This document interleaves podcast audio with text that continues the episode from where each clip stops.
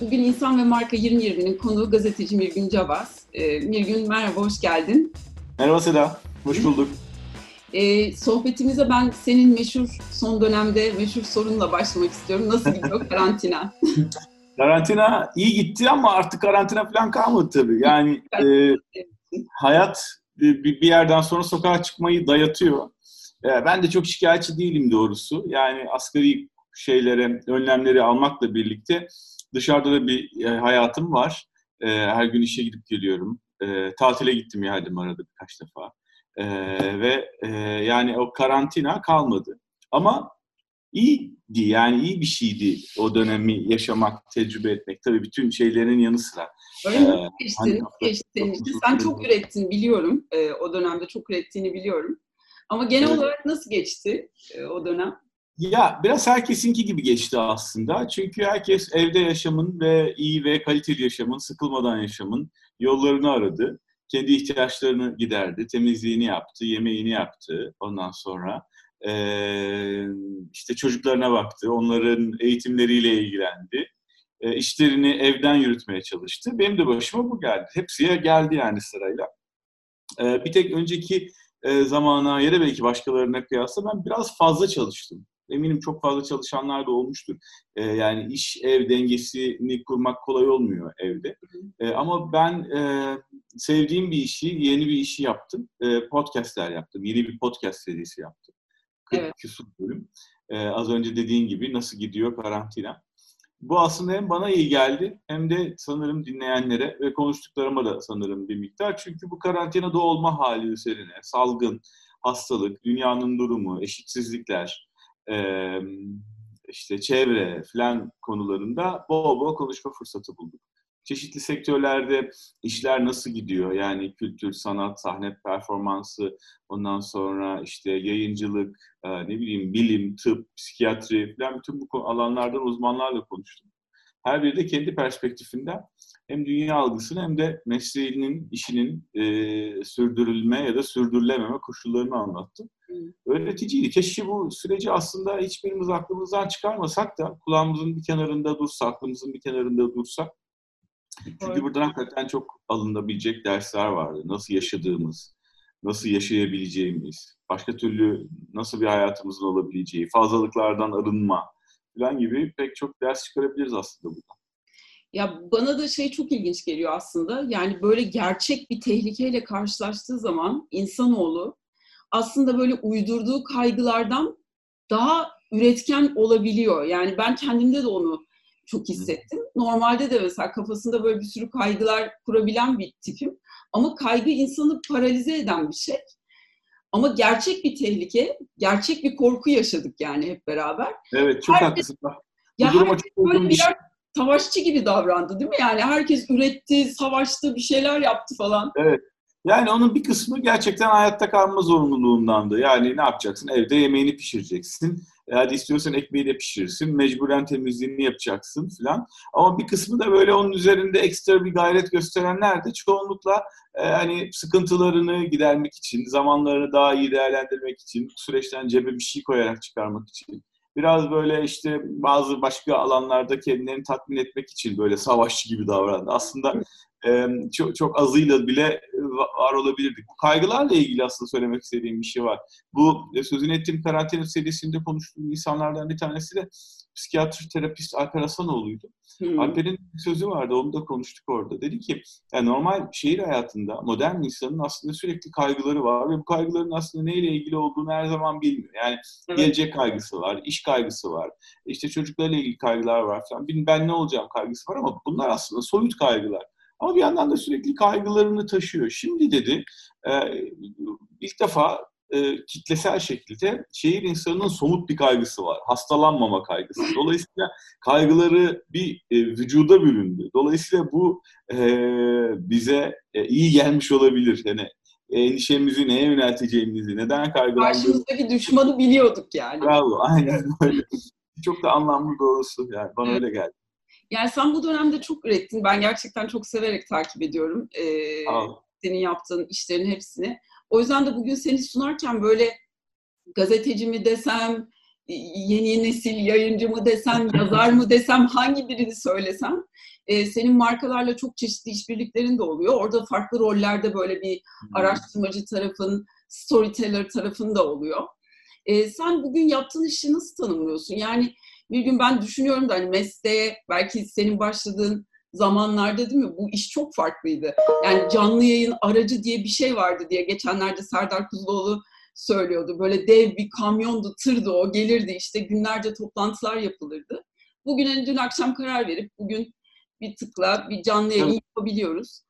Yani sen böyle bir dönemde yaptığın işi nasıl e, anlatıyorsun, nasıl tanımlıyorsun? Ee, en geniş haliyle aslında ben bir içerik üreticisiyim. Hı hı. Yani e, kimi kendine hani hikaye anlatıcı diyor, kimi başka bir şeyler söylüyor yaptığı işi tanımlamak için ama en geniş anlamıyla ben içerik üretiyorum. Yani bu içerik kim zaman video şeklinde oluyor, kimi zaman yazı oluyor, kimi zaman kitap oluyor, e, kimi zaman podcast oluyor, kimi zaman bir canlı bağlantıda bir şey anlatıyorum. Ama benim yaptığım şey çeşitli mecralar için içerik üretmek. Yani gazeteciyken de yaptığım oydu. O zaman biraz daha e, somut bir alanda, daha çerçevelenmiş bir alanda üretiyordum içeriği. Ama şimdi e, formatlarım e, ve içeriğim epey genişledi.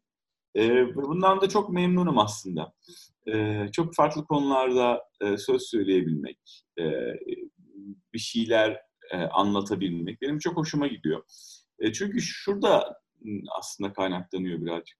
Bir sürü input oluyor bana. Yani e, bir sürü şey okuyorum, e, takip ediyorum, tüketiyorum. Bilerek yani bilinçli bir şekilde merak ettiğim için bazıları sadece günlük taramamın e, bir sonucu olarak bir sürü şey alıyorum. E, sonra onları başka bir bağlamda bir araya getirip e, bir içerik olarak geri çıkarıyorum, geri veriyorum. Dolayısıyla yaptığım şey bu her alanda farklı bir sürü konuda e, merakımı gidermek için, kendimi tatmin etmek için tükettiğim şeyleri başka bir şablona, forma sokup e, izleyiciye, okuyucuya, dinleyiciye vermek.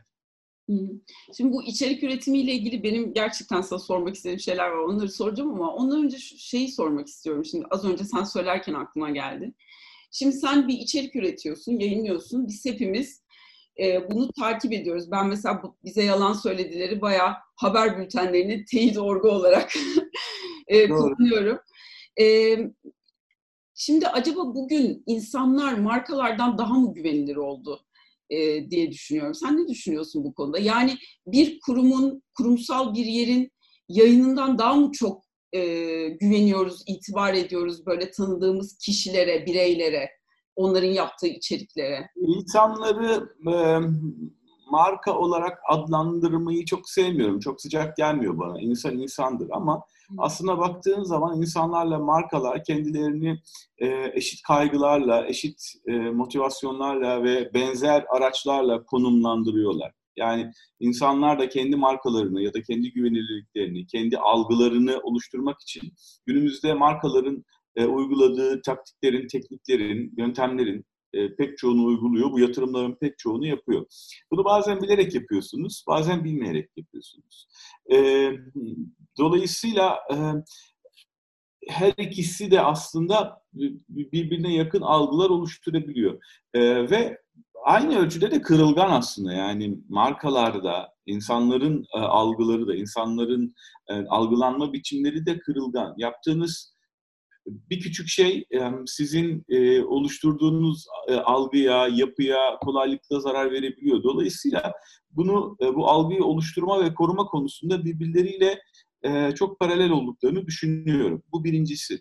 Ama biraz daha spesifik hale getirecek olursak sorunun son kısmında e, haber tüketimine dair bir şey vardı anladığım kadarıyla. Yani, yani içerik her konuyla ilgili haber. Mesela biz de daha çok böyle e, iç iletişim, işveren markası tarafında çalışıyoruz ya. Mesela orada da gözlemim benim öyle. Yani bir markanın kendi işveren kimliğiyle ilgili beyan ettiği şeylerden ziyade orada çalışanların sağda solda yazdığı şeylere daha fazla e, güveniyor e, genç yeteneklerde. Hı hı e, onun daha güvenilir bir kaynak olduğunu düşünüyorlar. Hani bunu haberciliğe de belki tercüme edersek sen ne düşünüyorsun? Yani kurumlar mı, insanlar mı daha güvenilir bugün ya da bu doğru bir seçim mi insanlara daha çok güvenmek? E, haber kurumlarından bahsediyorsan ben şuna inanıyorum. E, aslında e, kurum benim yaptığım işte, benim yapma biçimimde uzun bir süre kişilerden önce geldi. Hala da iyi bir kurum tek tek kişilerden önce gelir diye düşünüyorum medya söz konusu olduğu zaman. Çünkü e, medya çok zahmetli ve organize olmayı gerektiren bir şey. E, her ne kadar ben de birebir içerik üretsem, e, haber ve bağlantılı şeyler e, üretsem de e, bir haber kuruluşu söz konusu olduğu zaman bence iyi işleyen bir kurum e, bizim gerçek ihtiyacımız. Çünkü hep bunu söylüyorum. Yani vatandaş gazeteciliği denen ya da işte bağımsız gazetecilik denen bir şey var. Var tabii ki. E, ama e, dört başı mamur, dört dörtlük bir habercilik yapabilmeniz için bir kere öncelikle iyi bir yatırım gerekiyor. Yani işte bir altyapı gerekiyor. Ee, tamam elimizde cep telefonları var ve her şeyi bununla yansıtabildiğimizi düşünüyoruz ama yani siz bir kişisiniz. Ee, karşılığında hani yüzlerce kişiden oluşan yapılar var ve e, bunların örgütlenme biçimi e, bunun için ortaya konmuş. Bir kişinin çıkıp da işte e, iyi ve dengeli, her zaman iyi ve dengeli haber verdiğini öne sürmek, bizi yanıltmadığına inanmak çok kolay değil aslında. Çünkü insan yanılır ve o yanılgıları da kurumlar, filtreler, müesseseler, işte e, editoryal e, araçlar ortadan giderir. Birinin yanlış söylediğini, hatalı gördüğünü, yanlış ilişkilendirdiği şeyi o editoryal filtreler düzeltir. Peki seninle ilgili Şimdi internette biraz yapılan yorumlara baktım. Artık e, gerçekten o eskiden yaptığın NTV'de de bizim keyifle izlediğimiz habercilik biraz böyle şeyin listenin aşağılarında kalmış. Bu yeni nesil evet. işlerin, YouTube'da yaptığın işler, podcast işlerin e, çok övgü almış. E, podcast işinin duayeni diye e, bahsetmişler senden ya şu podcast işini bize bir anlat diyeceğim. Çünkü e, yani çalıştığım bütün kurumlarda bu podcast işiyle çok ilgileniyor. Markalarda insanlar da bir şekilde bir podcast yapmak istiyor. Hı hı. Yani çok popüler bir konu ama yani nasıl yapmak lazım, ne anlatmak lazım, kimler bu içeriklerin dinleyicisi, şu podcast mevzusunu bize biraz anlatır mısın? Ya doğrusu sorduğun soruların cevabının pek çoğu bende ya yok ya da el yordamıyla var. Yani evet. gelen feedbackler kadarıyla var. Kendi... Yanlışlıkla duayen oldum diyorsun. Ya şu duayenlik mevzusunu bir konuşalım. Aslında Türkiye'de podcast'i ilk yapan insan ben değilim ama galiba ilk kitlesel halde e, izleyiciyle, dinleyiciyle buluşan podcastlerden bir tanesini e, yapanlardan biriyim. E, daha önce de tabii ki vardı podcast. Biz işte bir buçuk yıl falan önce herhalde Can Kozanoğlu ile birlikte yapmaya başladığımız zaman iyi örnekler vardı ve ben de aslına bakarsan o iyi örneklerden hareketle ya böyle bir mecra var bunu değerlendirmek lazım hmm. demeye başlamıştım ve karşıma bunu yapmak ve e, daha da önemlisi e, sürdürülebilir halde yapmak için bir fırsat çıktı. E, Storytel audiobook aplikasyonu. E, onlar burada m, Türkiye'de e, lansmanlarını yaparken onun yöneticisi olan e, Berk İmamoğlu benden bununla ilgili bir yardım istedi. Ne yapabiliriz? Yani bunun işte pazarlaması, duyurulması için bir şey yapalım dedi. E, ben de orada ya audio bir şeyden bahsediyoruz, dijital ortamda bir şeyden bahsediyoruz. Bunun en yakın e, akrabası olan mecrada iş yapalım. E, podcast yapalım dedim. Ve hakikaten orada da böyle bir kunduna getirip yapsak diyorum. İşte Can Kozanoğlu ile birlikte e, yaptık, başladık. Önce bir seri yaptık, 26 bölüm. Sonra bir 30 bölüm daha yaptık falan. Sonra onlar üst üste birikince tabii bir şey oluyor, kümülatif bir şey oluyor ve orada duruyorsunuz. E, bir işte yani dinleniyor, algoritma size öneriyor vesaire falan. Hep orada durmaya devam ediyorsunuz. İnsanlar size baktığı zaman e, hep bir şeyle görüyorsunuz. En son işte bu nasıl gidiyor karantinada e, o dönemde tabii şey arttı. E, podcast sayısı arttı. Yani insanlar sıkılıyorlar, bir şeyler üretmek istiyorlar. En kolay üretebileceğiniz şey bir sözünüz varsa podcast. E, zaten pek çok kişinin aklına düşmüş bir şeydi. O zaman pandemi sırasında hem fırsat buldular hem zaman buldular. Bir de ekipmanları bir araya getirmek çok kolay. Bir mikrofon, bir kulaklık, bir kayıt cihazı konuşuyorsunuz, bir kaba edit yapıyorsunuz falan. E, dolayısıyla bir de ben de o dönemde çok böyle 40 küsur bölümlük bir şey yapınca yine Storytel için e, bir de ayrıca başka bir seri daha yaptım. Önceki içeriklerden çok farklı bir içerik daha. E, çok görünür bir hal aldı. Kim dinliyor dersen valla herkes dinliyor. Yani YouTube nasıl belli bir kesimi e, belli sebeplerle kendisine çekiyorsa podcastler daha fazla insanı teorik olarak kendine çekebilmeli. Çünkü çok daha sıcak ve kolay erişilebilir bir şey. Yani bir kulaklık, bir ses kaynağı yetiyor. Cep telefonu yetiyor. Yok genellikle ee, podcast için böyle hani gençlere ulaşmanın bir yolu gibi tarif ediliyor ya aslında pek benim gözlemim çok o yönde değil de o yüzden e, bu soruyu sana.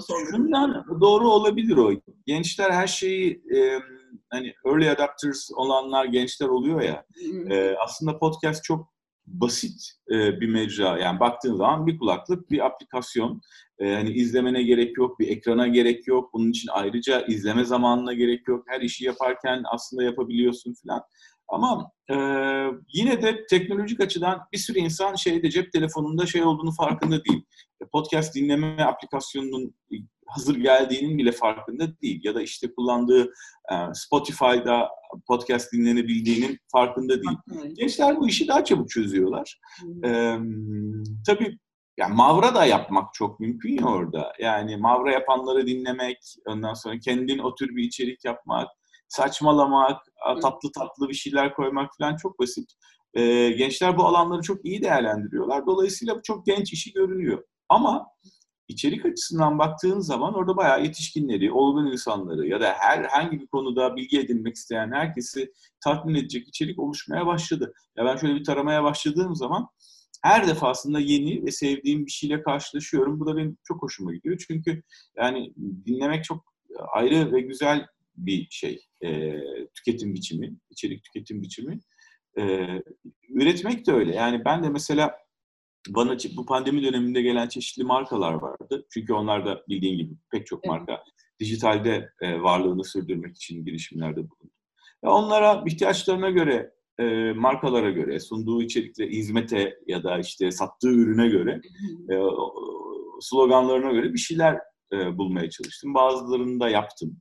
E, ve bu çok sevdiğim bir şey. Az önce dediğim gibi zaten bir sürü alanda tüketiyorum. E, ve benden bir şey istendiği zaman onların parçalarını bir araya getirip e, markalara ya da işte ne bileyim bir, belli bir tüketici grubunun e, ilgisini çekecek bir şeyleri Lego gibi bir araya getirmek hoşuma gidiyor. Peki şimdi içerik konusuna gelmek istiyorum. Şimdi herkes içerik çok önemli diyor. E, işte her türlü iletişim işinde e, içerik e, önemli olan e, deniyor.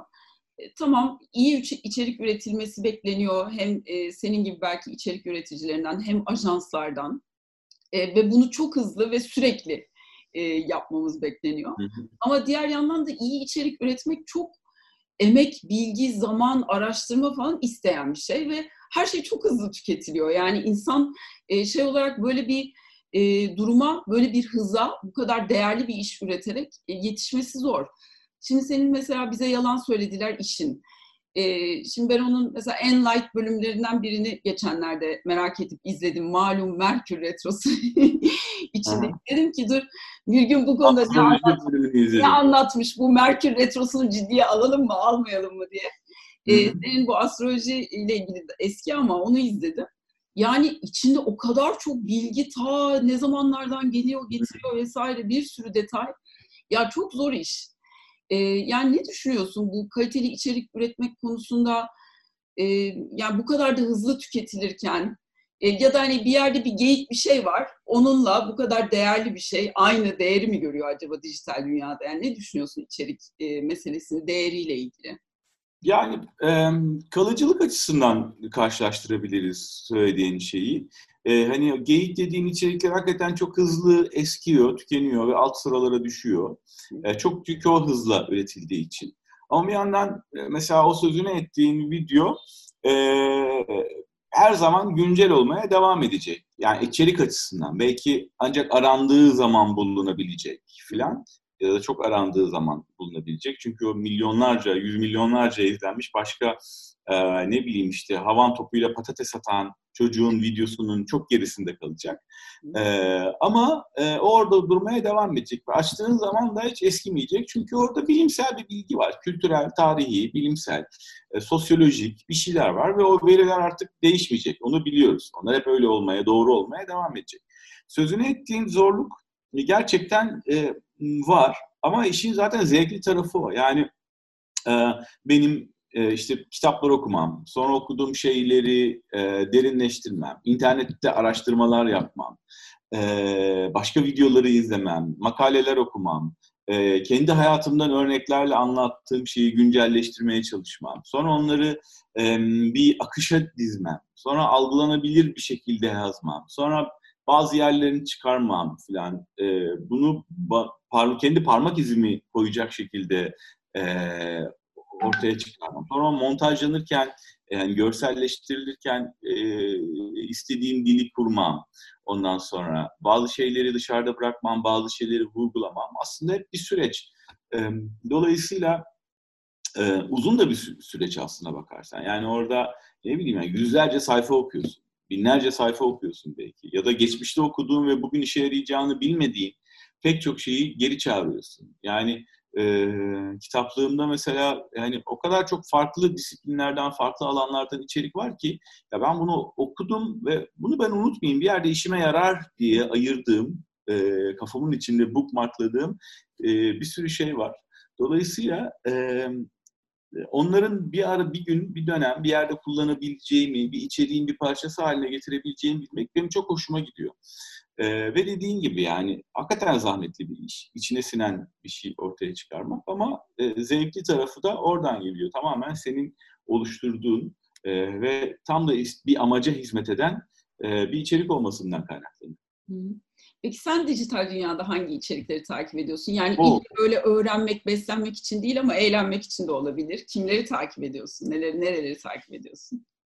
Ya tabii uzun bir YouTube izleme listem, listem var. Ee, ağırlıklı olarak yani işte hani haber de aldığım ama e, popüler bilim konularında, e, kültür e, konularında izlediğim e, pek çok şey var. E, YouTube kanalı var. Onun dışında podcast'te dediğim gibi e, her gün yeni şeyler ekleniyor. E, yayıncılar ekleniyor. Onları yani büyük bir iştahla dinliyorum. Çünkü sadece şey değil, e, anlattıkları içerikler değil bütünüyle konu başlıkları bile yeni.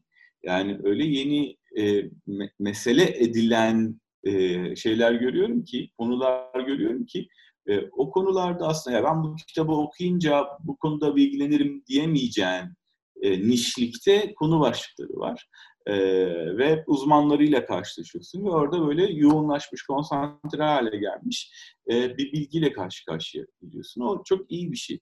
Dolayısıyla şey, e, bir de benim ilgi alanlarım hakikaten az önce söylediğim gibi olabildiğince geniş tutmaya çalışıyorum. Merak ettiğim her şeyi böyle bir kurcalıyorum, açıyorum. Pek çok insan aslında bunu yapıyor şeyde zaten. Yani bu çok büyük bir özellik değil ama ya ben onlardan böyle, burada böyle bir şey varmış falan diye notunu alıyorum. E, dolayısıyla podcast'ten, YouTube'dan çok şey okuyorum, dinliyorum. Bir de bültenlere çok aboneyim ben. Yani şu e-bültenleri çok kullanıyorum. Yani e, içerik üreten çeşitli e, işte sitelerin, haber kuruluşlarının ya da işte e, kültür, bilim vesaire filan alanlarında içerik üreten yerlerin e, bültenlerine aboneyim. Kimi günde bir bülten gönderiyor, kimi haftada bir tane gönderiyor, kimi günde iki tane yolluyor, kiminin alt başlıkları var e, filan. Onları çok iyi değerlendiriyorum çünkü şey, artık her şeyi yakalamanız, sevdiğiniz her şeyi her dakika gidip update'lerine bakmanız mümkün değil. Ama onlar size en iyi bilgiyi süzüp gönderiyorlar. Ha bak burada bir şey varmış diyorsunuz. Şimdi okuyorsunuz, ya, kenara ayırıyorsunuz filan. Dolayısıyla benim e, takip etme yöntemim biraz o. E, tek tek hakikaten şeyden bahsedemeyeceğim. O kadar çok bir dağınık ki e, izlediğim e, isimler ve takip ettiğim kaynaklar. Şimdi ne söylesem 10 tanesini unutmuş olacağım. E, dolayısıyla bunlarla ilgili belki ileride şey yapabilirim. Yani sosyal medya paylaşımlarıyla falan biraz daha e, güvenebilirim. Evet paylaşabilirim. Bir yandan mesela hakikaten masamın üzeri sürekli kitaplarla dolu oluyor. O da çok hoşuma giden bir durum. Çünkü e, yani hem e, karşıma e, okurken bir kitaba referans verildiği zaman Hı, bu neymiş falan diyor. Ya işte ne bileyim orijinalini, ya e-book'unu, ya eski eski yani sahaftan sipariş ediyorum. Ya işte internetten sipariş ediyorum. Pek çok yayın evi sağ olsunlar yeni çıkan kitaplarını benimle paylaşıyorlar ilgimi çekeceğini düşündüklerini. Ee, onları hakikaten böyle hızla hemen hepsini ilgi alanıma girenleri elden geçiriyorum falan. Ee, şey bu sürekli bir beslenme hali. Yani e, hiçbir dakika boş durmadan hani şey, öğütücüye bir şey koyuyorsunuz. Sonra ama o çöp çıkmıyor da oradan hop diye başka bir şey. Başka bir. Şimdi sen bunu az önce bahsederken ya herkes de böyle yapıyordur zaten çok değerli bir özellik değil falan e, diye aşırı mütevazi bir şekilde anlattın ama yani senin e, bu sadece şu an yaptığın aktif olarak yaptığın işle ilgili ihtiyaç duyduğun kaynaklar dışında senin genel olarak zaten bütün kariyer hikayende böyle inanılmaz bir çok yönlülük var değil mi? Yani böyle bir anda seni GQ diye bir yerde de görebiliyoruz. İşte NTV'de haber içeriği yaparken de görüyoruz. Şimdi bugün podcast yapıyorsun, YouTube'da bir şey yapıyorsun, Deutsche Welle ile bir programın var. Yani bir sürü farklı mecrada, farklı konularda işte bir anda pıt astrolojiyle ilgili de bir şey anlatabiliyorsun. E, bu seni böyle dağıtmıyor mu yoksa hani aslında zaten senin e, işleyiş biçimin, metabolizman böyle çalışıyor herhalde değil mi? Evet böyle çalışıyor. Zaten e, şöyle ciddi işlere bir yere kadar e, ilgileniyorum, ilgimi çekiyor. Yani siyaset, miyaset falan. E, tamam o yapılması gereken bir iş, haberdar olması gereken bir şey. Eğer o sırada yaptığın iş yani e, bunu yapmamı, bununla ilgili içerik üretmemi gerektiriyorsa bunu da memnuniyetle yapıyorum. Ama 7-24 bununla yaşayan değilim. E, zaten televizyona bir şey yaparken de yaptığım hep aynı şey oluyor. Yani ilk günden işte bugüne kadar e, ileride de yapacak olursam yine yapacağım şey olacak. Yani siyasetin yanına her şeyi koyabilirim. Yani toplumu koymak, kültürü koymak, sporu koymak, bilimi koymak, e, popüler olan her şeye yer açmak. E, bütün bunlar ancak bende büyük bir resim ya da işte tüm bir resim oluşturuyor ve bunları hep yapa geldim. Ee, bu konu çeşitliliği sayesinde aslında yavaş yavaş ilgi alanlarım da e, hem genişledi hem de biraz daha derinleşti. Referanslarım e, çoğaldı falan. E, ve gün geldi, televizyonda bu işi yapamaz hale geldiğim zaman tam da aslında bu ilgi alanlarım sayesinde şu dergi işini yapabildim. Yani su bitti, deniz bitti televizyonda. Program yani siyasi içerikli bir şey yapamaz hale geldiğim anda ya ben ne yaparım derken ya bu işte Lifestyle dergisi çık, imkanı çıktı karşıma ve kabul ettim bunu. Hiç de şey diye düşünmedim. Ya bana yakışır mı bugüne kadar yaptığım işler? Kimin umurunda yani? Ben tükettiğim bir dergi, okuduğum bir dergi ve orada yepyeni bir içerik yapmak mümkün. Onu yeni bir anlayışla yapmak mümkün. Ve yeni bir insanla, insan grubuyla, yeni çevreyle tanışacağım falan. Yani tasarımcılar, fotoğrafçılar, ne bileyim işte kozmetikçiler, aklınıza kim gelirse yani başka markalar, başka içerik üreten insanlar onlarla başka yazarlar, çizerler e, onlardan böyle bir e, içerik oluşturmanın fırsatını bulmuşken e, bunu çok iyi değerlendirdim. Ve sonra zaten o benim için gerçek bir kırılma noktası oldu. Yani ondan sonra artık e, yani bu yaşam biçimi konusunda e, daha fazla üretmeye ve tüketmeye başladım. E, ve bu bana yaşamımı sürdürmek için, e, iş yapmak için, e, para kazanmak için, e, sevdiğim işlerle uğraşmak için yeni bir alan açtı. Ve o gün bugün de devam ediyor. Yani ben şundan da hiç rahatsız olmadım. İşte bir gün önce stüdyoda ve ciddi konularla e, uğraşırken, ciddi konuklarla uğraşırken e, bir gün sonra ne bileyim işte motosikletle seyahat programı yapıp toza toprağa bulanıp düşüp kalkıp ne bileyim Anadolu'da dolanmak falan. O kadar iyi geldi ki bana. E, dolayısıyla yani bu bana çok şey geliyor, kendiliğinden geliyor, çok doğal geliyor. Ve yani işte hepsini bir araya getirdiğin zaman da ben olurum, ben oluyorum yani. Yani aslında bu tarif ettiğin şey işte geleceğin yetkinlikleri arasında sayılan, e, yani genç yeteneklere de şu an sürekli anlatılmaya çalışılan bu çok yönlülük.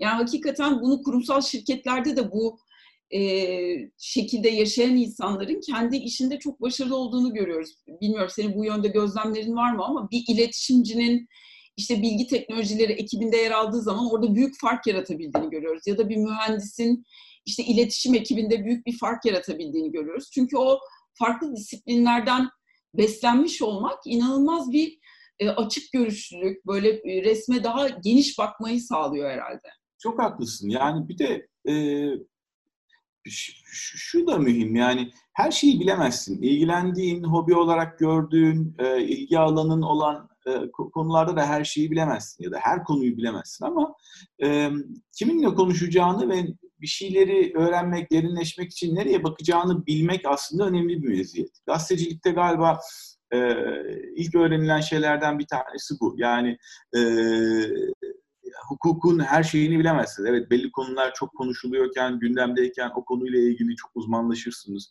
tıpkı vatandaşlar gibi yani anayasa konuşuluyor. Herkes anayasa biliyor. Ceza kanunu değişiyor. Herkes ceza kanunu biliyor falan. Ama yani e, nereye bakacağınızı, kimle konuşacağınızı, onu nereden okuyacağınızı bilebilirsiniz.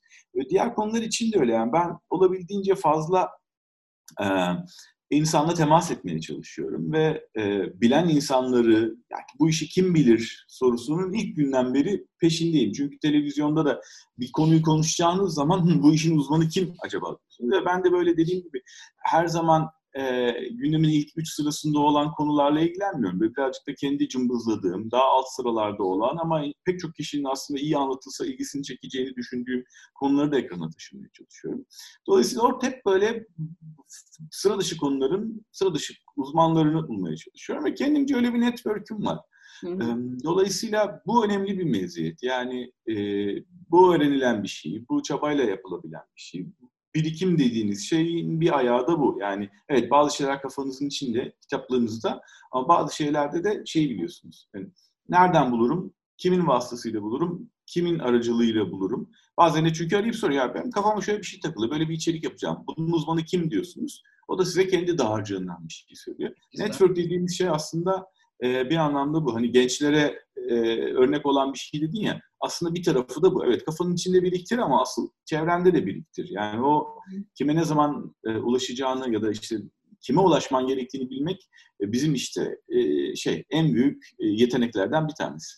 Evet yani bilgilerin kadar ilişkilerin de çok değerli aslında seni evet. ileriye taşıyor. Yani bunu çok pragmatist bir yerden söylemiyorum. Hani ne kadar çok insanı tanırsan, network'ün ne kadar geniş olursa sırtın o kadar yere gelmez falan demiyorum. O başka bir şey. Tabii Ama tabii. Benim söylediğim içerik üretmek, gazetecilik yapmak, işte e, ne bileyim hani YouTube'a bir şey yapmak, podcast yapmak falan için de geçerli. Yani illaki birilerine akıl danışmanız, uzman görüş almanız falan gerekiyor.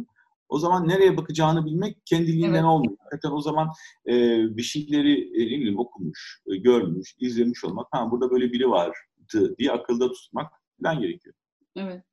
Peki e, yeni planların var mı? Yani podcast, YouTube devam edecek e, andığım kadarıyla. E, bu mecralarla ilgili veya dijitalde yeni bir şey planlıyor musun yakın zamanda? Ee, çok sürpriz bir şey var aslında. Bu söylediğin şeylerde genellikle böyle tek başıma ya da işte iki kişi ya da bir küçük gruplarla hareket ediyorduk. Yani e, ya işte Can'la birlikte, Can Kozanoğlu ile birlikte mikrofon başına geçip biriyle konuşuyorduk. Ya da e, işte YouTube'a bir şey yazıyorduk ve işte hani küçük bir ekip bunu görselleştiriyordu falan. E, ama şimdi bambaşka bir şey var. E, bir m, video izleme yani işte içerik izleme platformu kuruluyor yeni. Bunu çok kişi bilmiyor. Yani işte ne sözünü ettiğim, işte dizi izlediğiniz, film izlediğiniz, belgesel izlediğiniz, bildiğiniz markaların yanında bir tane daha geliyor. Hı hı. Bir Türk yatırımı. Ee, ve e, onun için e, içerik derlemeye, onun içeriğini oluşturmaya başlayan küçük bir ekibin, şimdilik küçük bir ekibin bir parçası haline geldim ve Aynen. uzun zamandır bir defa mesaili bir işim var. Yani sabah işe gidiyorum, günümü orada geçiyorum, toplantılar yapıyorum, insanlarla görüşüyoruz. Ben ondan sonra geri geliyorum. Ee, dolayısıyla böyle hani kurumsal çalışmaya ben yani kurumlar iyi kurumlara, inandığım kurumlara çok e, hani orada olmaya önem veriyorum. Çünkü o sizin ortaya çıkarabileceğiniz şeyin büyütüyor. E, yani siz başınıza bu kadar bir şey yapabiliyorken bir kurumla bu kadar bir şey yapabiliyorsunuz. Dolayısıyla e, bu hoşuma gidiyor. Daha büyük bir şeyin parçası olmak zaman zaman hoşuma gidiyor. Şimdi e, onunla ilgili mesai yapıyorum. E, ve de gayet memnunum.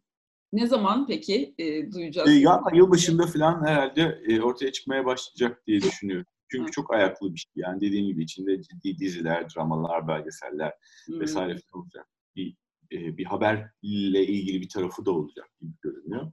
E, yeni bir şey, e, içerik e, izleme ve curate etme e, modeli kurmaya çalışıyoruz.